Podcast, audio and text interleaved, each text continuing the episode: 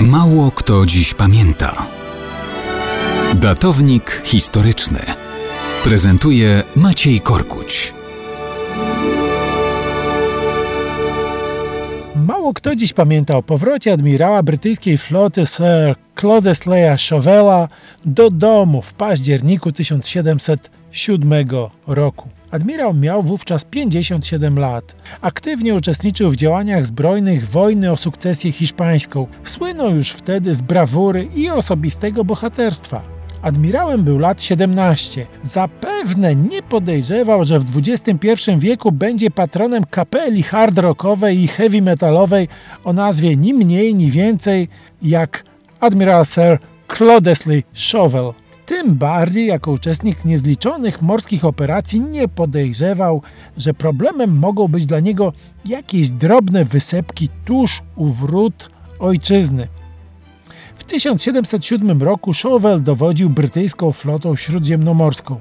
Trwała, jak już powiedzieliśmy, wojna o sukcesję hiszpańską. W pierwszych miesiącach tego roku Chauvel dowodził atakiem na największy port marynarki francuskiej, Toulon. Francuzi mieli z nim ciężką przeprawę, ponieśli duże straty, ale się nie poddali.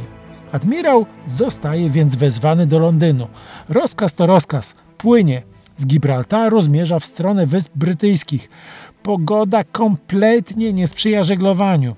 Kiedy w końcu pojawia się korzystny wiatr, admirał nakazuje wpłynąć w kanał La Manche. I to jest błąd. Okręty są już nieco zbyt daleko na północ i po ciemku przy dramatycznie słabej widoczności aż cztery statki tuż koło Kornwali nadziewają się na skały archipelagu maleńkich wysp Scilly. Toną. Jednym z tych tonących statków jest właśnie HMS Association, na którym znajduje się sam admirał Chauvel. I cóż, zaledwie w ciągu kilku minut idzie wraz ze statkiem na dno. W sumie na skutek tej katastrofy życie straciło ponad 2000 marynarzy.